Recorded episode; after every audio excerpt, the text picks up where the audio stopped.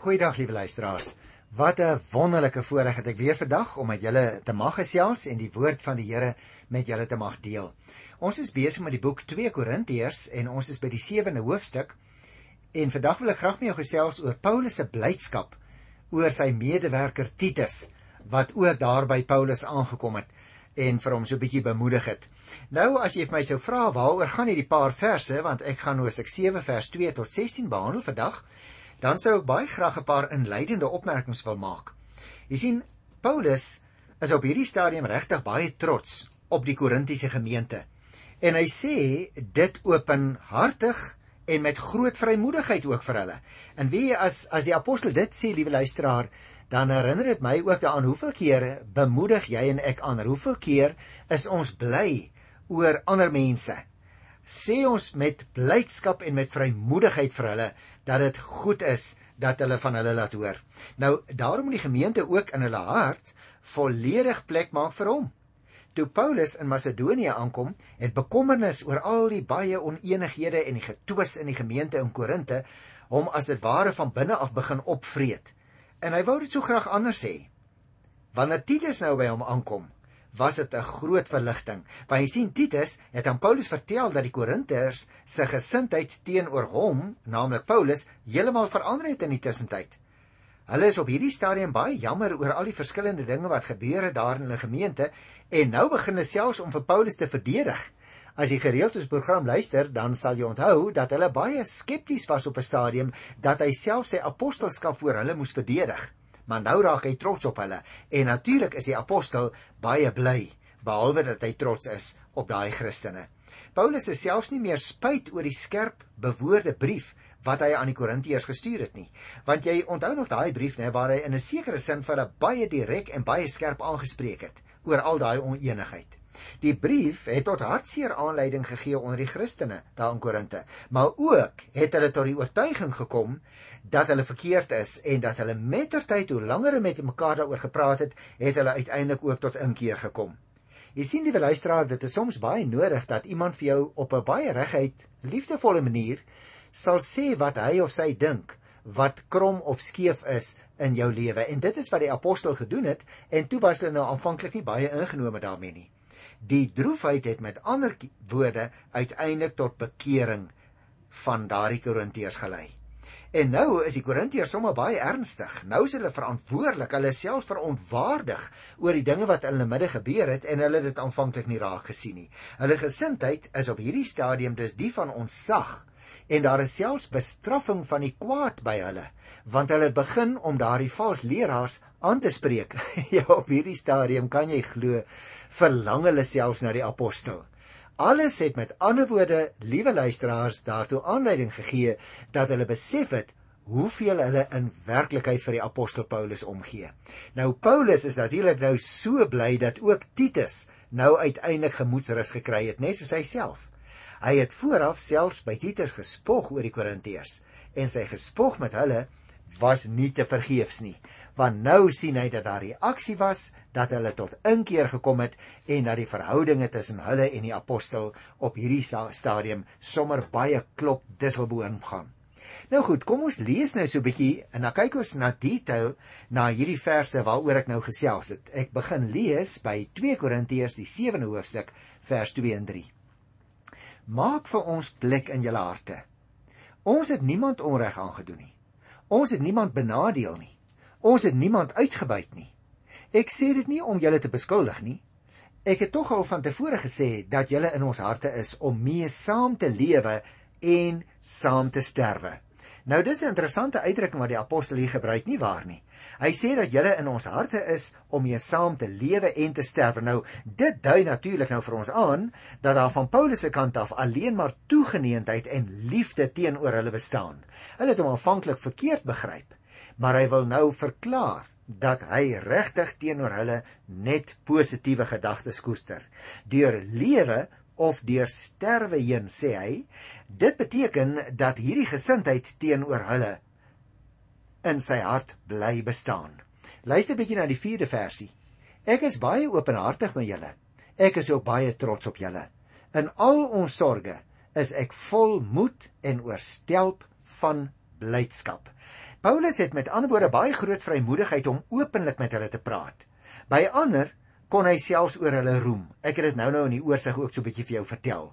Geen wonder nie luisteraar dat hy deur hulle bemoedig is om sy daaglikse lewenspraktyk met blydskap sê hy uit te leef. Mens kan dit eintlik verstaan. Al is dit ook met swaar kry van allerlei aard deurspek. Met ander woorde, hierdie hele proses waardeur die apostel self en sy lesers daar in Korinte gegaan het, was nie vir een persoon maklik nie, maar uiteindelik het dit vrug gedra deurdat hulle openlik met mekaar oor verskillende moeilike sake kon gesels. Miskien kan jy en ek ook daaruit iets leer. Daar's dalk iemand in jou gesin of in jou familie of in jou vriendekring, liewe luisteraar, van wie jy voel daar's so 'n bietjie afstand, daar's so 'n bietjie spanning tussen julle op die oomblik. En wie die apostel se optrede hier, sonder dat hy 'n woord sê dat ons dit ook moet doen, dui vir ons aan dat daar maar net eintlik een pad is en dit is kom ons sit die kaart op die tafel Kom ons gesels 'n bietjie eerlik met mekaar en dan sal ons agterkom dat die misverstande wat daar gewoonlik is, selfs nie eers so groot was as wat ons soms vermoed nie. Dit gebeur mos seker met jou ook, net soos met my. As daar so 'n bietjie wrywing of misverstand is en my iemand anders was, dan kan ek hy naggie slaap nie. Ek lê die hele nag wakker. Maar môre as ek by daai ou kom en ek sê kom ons gesels net so 'n bietjie, dan kom jy agter daar is eintlik glad nie 'n probleem nie. En dit is nou die situasie wat daar nou tussen die apostel en die gelowiges daar in Korinte bestaan. Vers 5 sê: "Toe ons in Macedonië gekom het, het ons geen rus of duurte gehad nie. Van alle kante af was daar druk op ons, van buite oneenigheid, van binne sorge."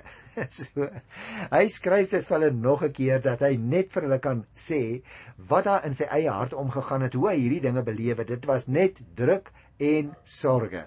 Nou dit lyk vir my liewe luisteraar hierdie 5de versie sluit aan by die verwysing wat ons oor gesels het by die tweede hoofstuk by vers 13 sonder dat dit beteken soos wat sommige uitleggers meen dat die gedeelte tussenin 'n invoeging verteenwoordig. Jy sal onthou ek het vir jou gesê dit kom vir ons voor asof die apostel nie minder nie as 4 briewe geskryf het en dat uh, in hierdie 2 Korintiërs so reken sommige Nuwe Testamentiese een van daardie twee briewe wat vir ons loor, verlore gegaan het, opgeneem is. Maar nou ja, ons het uh, toe al vir mekaar gesê ons gaan nou nie met mekaar oor daai detail gesels nie, ons gaan ook nie spekuleer nie. Ons aanvaar die boek 2 Korintiërs soos wat hy voor ons op die tafel lê, lê net so onvoorwaardelik. Die situasie was naamlik een van onrus tussen die apostels en hulle. En rondom hom het daar stryd geheers. Binne in hom het die spanning opgelaai sê hy. Was hy bevrees dat sake skeef sou kon loop daar in Korinte. En as liewe luisteraar, die apostel keer hier terug na iets wat hy in die tweede hoofstuk ook opgeneem het. Sy noodkreet uh ook in die sewende hoofstuk by die tweede vers was: Maak vir ons plek in julle harte. En nou vra hy op hierdie stadium die Korintiërs om die regte gesindheid teenoor hom te bly handhaaf, want sake is nou herstel tussen hulle. Vers 6 en 7. Maar God, wat die neerslagtiges opbeur, het ons ook opgebeur deur die koms van Titus. En nie net deur sy koms nie, maar ook omdat julle hom opgebeur het. Hy het vertel van julle begeerte om ons te sien en dat julle jammer is oor wat gebeur het en my nou ywerig verdedig. Dit alles het my nog blyer gemaak. Wat 'n wonderlike ding gebeur hier, liewe luisteraars, as hierdie klompie gelowiges. God kry hier 'n besondere titel. Hy is die een wat luister nou die neerslagtiges opbeur. En daarmee verwys die apostel nou natuurlik na die gesindheid wat hulle almal se harte was. Want terwyl daar spanning was, was hulle regtig neerslagtig en nou bring hy die eer aan die Here want hy is die een wat die neerslagtiges opbeur. Dit gaan hier dus nie om die opheffing van die sielkundige toestand van neerslagtigheid nie. Nee, liewe luisteraar, deur die eeue heen het God hom aan die geringes, die armes van sy volk as redder en as helper openbaar en ook as die een wat bly is saam met die gelowiges wanneer verhoudinge weer herstel is. In hulle ellende en in hulle nood kon die mense daar in Korinte hulle op Paulus se bemoediging reken. In hulle afhanklikheid het hulle op die Here vertrou en ervaar dat die Here hulle sal versterk en dat hy hulle sal red. En daarom is hulle nou baie bly dat Titus ook gekom het. Hy kom nou by Paulus aan en hy sê vir hom: "Luister my vriend Paulus, dit gaan nou sommer baie beter. Die ouens is nie meer neerslagtig nie. Die verhoudinge is herstel en hulle voel almal positief en hulle voel opgewonde oor wat in die tussentyd gebeur het." Nou As ons nou by vers 8 tot by vers 10 kom, dan lyk dit vir my, liewe luisteraar, dat ons daaroor ook net met mekaar iets kan deel voordat ek dit uh, met jou saam gaan lees. Want jy gaan sien in hierdie volgende verse van vers 8 af, verwys die apostel weer 'n keer na 'n brief. Nou dit is dan die derde brief, die tranebrief wat ek vir jou vertel het wat verlore geraak het. Ons weet nie wat daarvan geword het nie.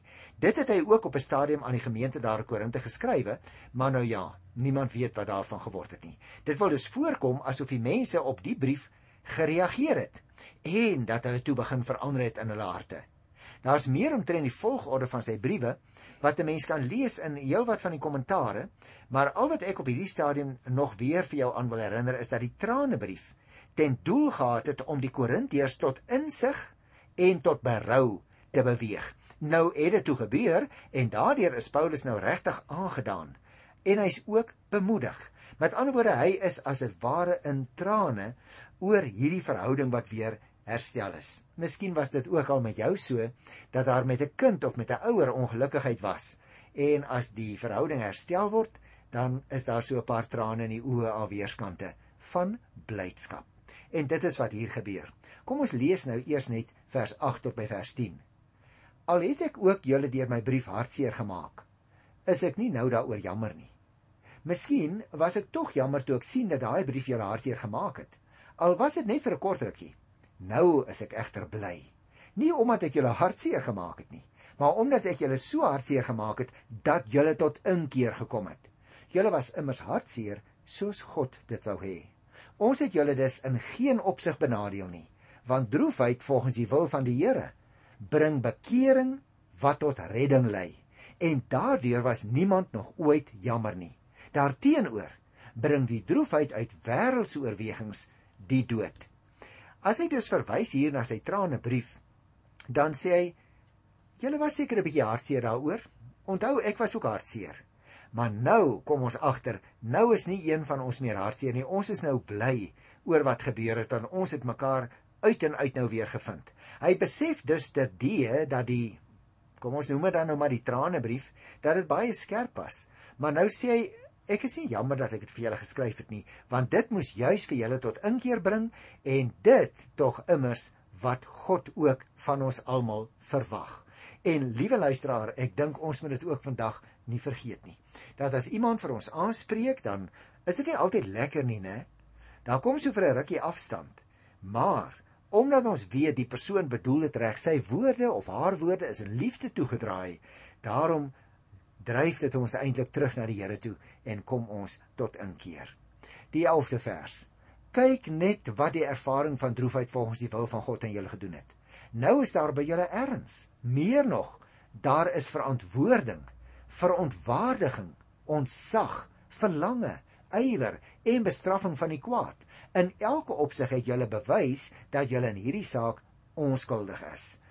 nou luisteraar, het jy opgemerk die verskillende emosies wat die apostel hier noem? Dit is maar net soos jy en ek dit ook elke dag ervaar nie waar nie. As ons so bietjie geïrriteerd is en kwaad is vir iemand anders, dan kom maar allerlei emosies na vore. Aan die een kant is ons baie keer verontwaardig.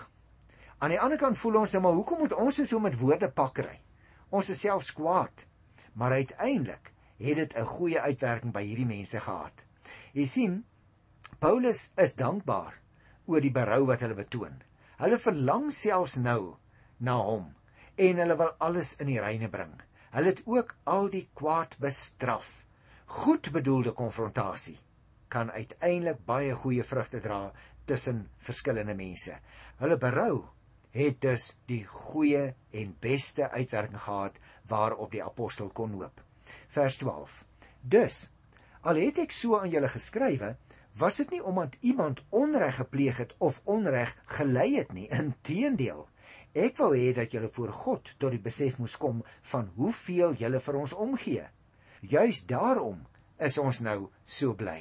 Jy sien, Luisteraar, die tranebrief was regtig nie in die eerste plek bedoel om die wat verkeerd opgetree het af te raansel nie of om die wat teenoor ander verkeerd opgetree het in beskerming te neem nie. Nee, daai tranebrief was juis bedoel om hulle goeie gesindheid teenoor Paulus aan die lig te laat kom. Die apostel het dus in werklikheid nooit werklik daaraan getwyfel dat hulle gesindheid verkeerd was nie. Maar die emosie wat wakker geword het toe hulle daardie brief ontvang, daardie emosie, maar het ook vir hulle teenoor mekaar daartoe gebring dat hulle met mekaar verskil het, dat hulle naderend rusie gemaak het, dat hulle beklei het en uiteindelik tot die insig gekom het, maar die apostel is tog reg. Hy is tog 'n instrument in die hand van die Here wat ons wil wys daarop dat ons droog gemaak het. Kom ons lees nou vers 13 tot 16 hier by 2 Korintiërs 7 want daarmee wil ek ook afsluit vir vandag. Ons is nie net bemoedig nie, maar ook besonder bly dat Titus gelukkig is. Julle almal het hom gemoedsrus gegee. Ek het by hom 'n bietjie met julle gespog en julle het my nie teleurgestel nie. Soos ons altyd die waarheid met julle gepraat het, so blyk dit nou dat dit ook die waarheid was toe ons by Titus met julle gespog het. En sy toegeneentheid teenoor julle word al sterker as jy daaraan dink hoe julle almal gehoorsaam was en hoe julle hom ook met eerbied en ontzag ontvang het. Ek is baie bly dat ek in elke opsig op julle kan reken. Jy sien, liewe luisteraar, die gemeente het vir Titus, so hoor ons hierso, met baie groot respek ontvang. En dit het toe uiteindelik gebleik dat hulle na Paulus se vermaaning geluister het. Ons het dit ook in die 15de vers nou net baie duidelik verstaan. Daar is dus baie groot blydskap by sowel Titus en Paulus aan die een kant en ook by die gemeente in Korinte aan die ander kant. Hy kan dus nou bemoedig voortgaan, sê die apostel, want my hart is weer bly. My toegeneendheids, dis die woord wat hy gebruik teenoor julle, word al sterker. Uh en dit is belangrik, liewe luisteraar, en juis in die lig hiervan staan Paulus se versoek dan nou dat hulle nou sommer 'n groot plek vir hom in hulle harte moet inrig.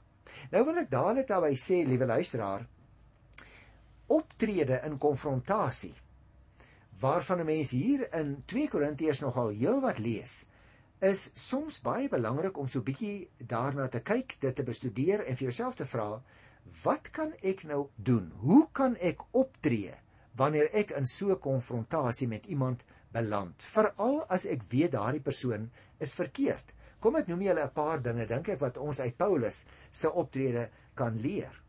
Byvoorbeeld nommer 1: Wees ferm wanneer jy met daardie mense praat. Ons het verskillende voorbeelde. Byvoorbeeld by Hoofstuk 9, maar ek wil al ook lees want ons gaan nog daarby kom by Hoofstuk 10, die tweede versie. Daar sê byvoorbeeld: "Moet my nie dwing om streng te wees as ek kom nie. Ek is seker ek kan my veroorloof om streng op te tree." teenoor die wat ons daarvan beskuldig dat ons dit menslike oorwegings handel.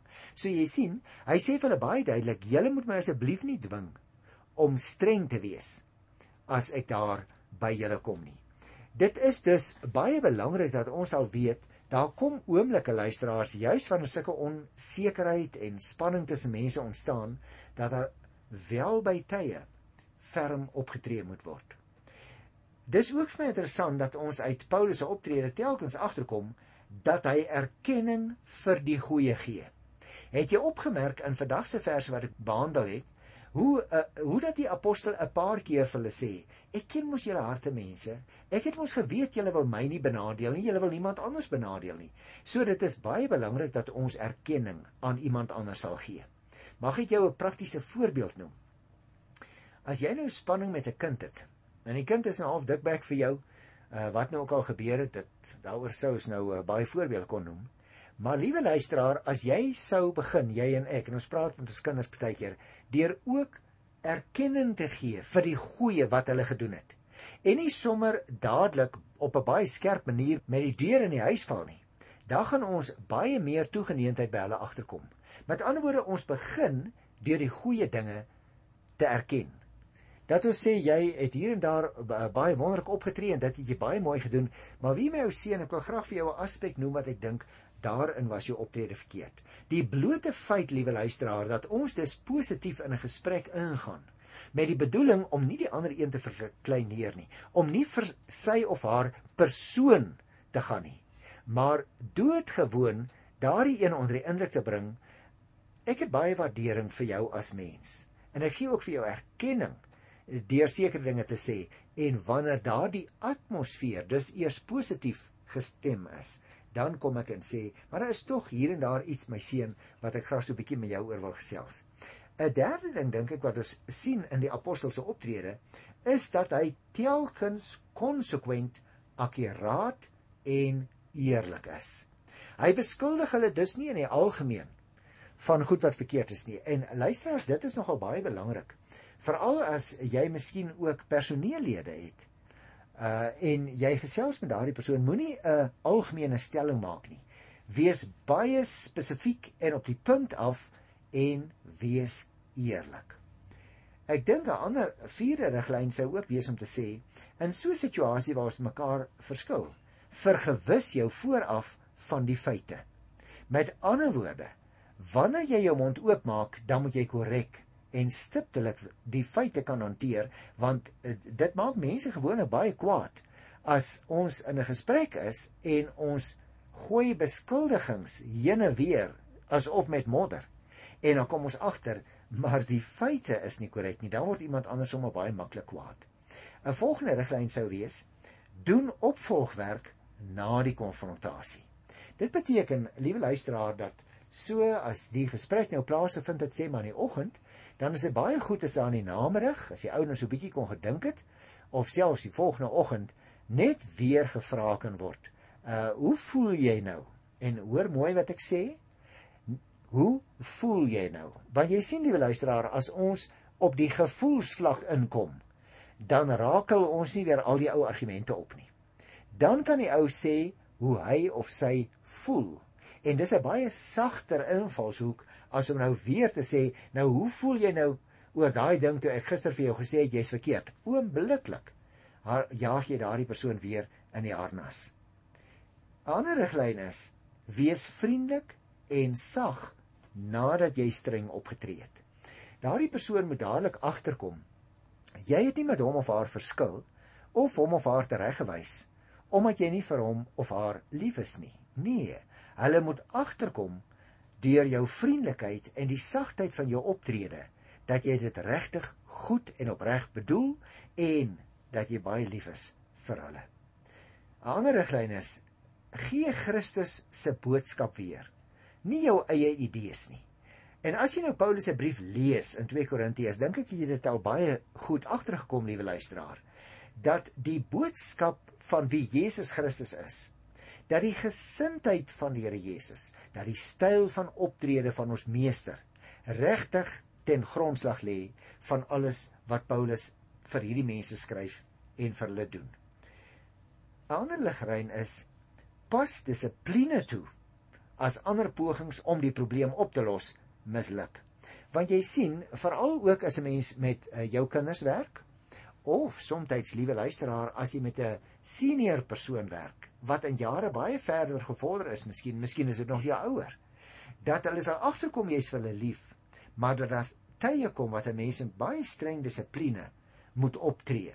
Anders gaan jy nie die probleem opgelos kry nie. Sê net maar die persoon 'n mens se moeder of jou pa is in 'n aftreeoord of 'n ouete huis en voortdurend ontevrede. Sê net maar met die kos dan is dit nodig dat jy en ek as kinders dat ons streng sal optree met ons ouer. Dat ons hulle daarop sal wys dat daar baie goeie dinge is, dat die personeel baie groot moeite doen om hulle gelukkig te laat voel, maar dat elke inwoner ook 'n verantwoordelikheid het. Mag ek vir jou 'n vraag vra voordat ons afsluit? Is daar nie miskien een van jou ouers of een van jou kinders met wie dit nodig geword het dat jy 'n slaggie streng sal praat nie. As dit ware onder vier oë. Maar ek wil dit sê, nie deur jou vinger te wys nie, maar eers te luister en dan ferm jou mening te gee. En as jy van mening is dat die gekla oor die kos daar in die aftreeoord nou onnodig is, dit op 'n baie vriendelike, liefdevolle manier maar ook terselfdertyd baie ferm aan jou ouer sal oordra. En liewe luisteraar, Natuurlik geld al hierdie riglyne nie net vir jou vir my nie. Maar moet ons ook gewillig wees wanneer ander so teenoor ons optree om met groot aandag te luister, veral as ons agterkom hulle bedoel dit met groot liefde. Ek groet jou dan in die wonderlike naam van die Here tot volgende keer. Tot dan. Totsiens.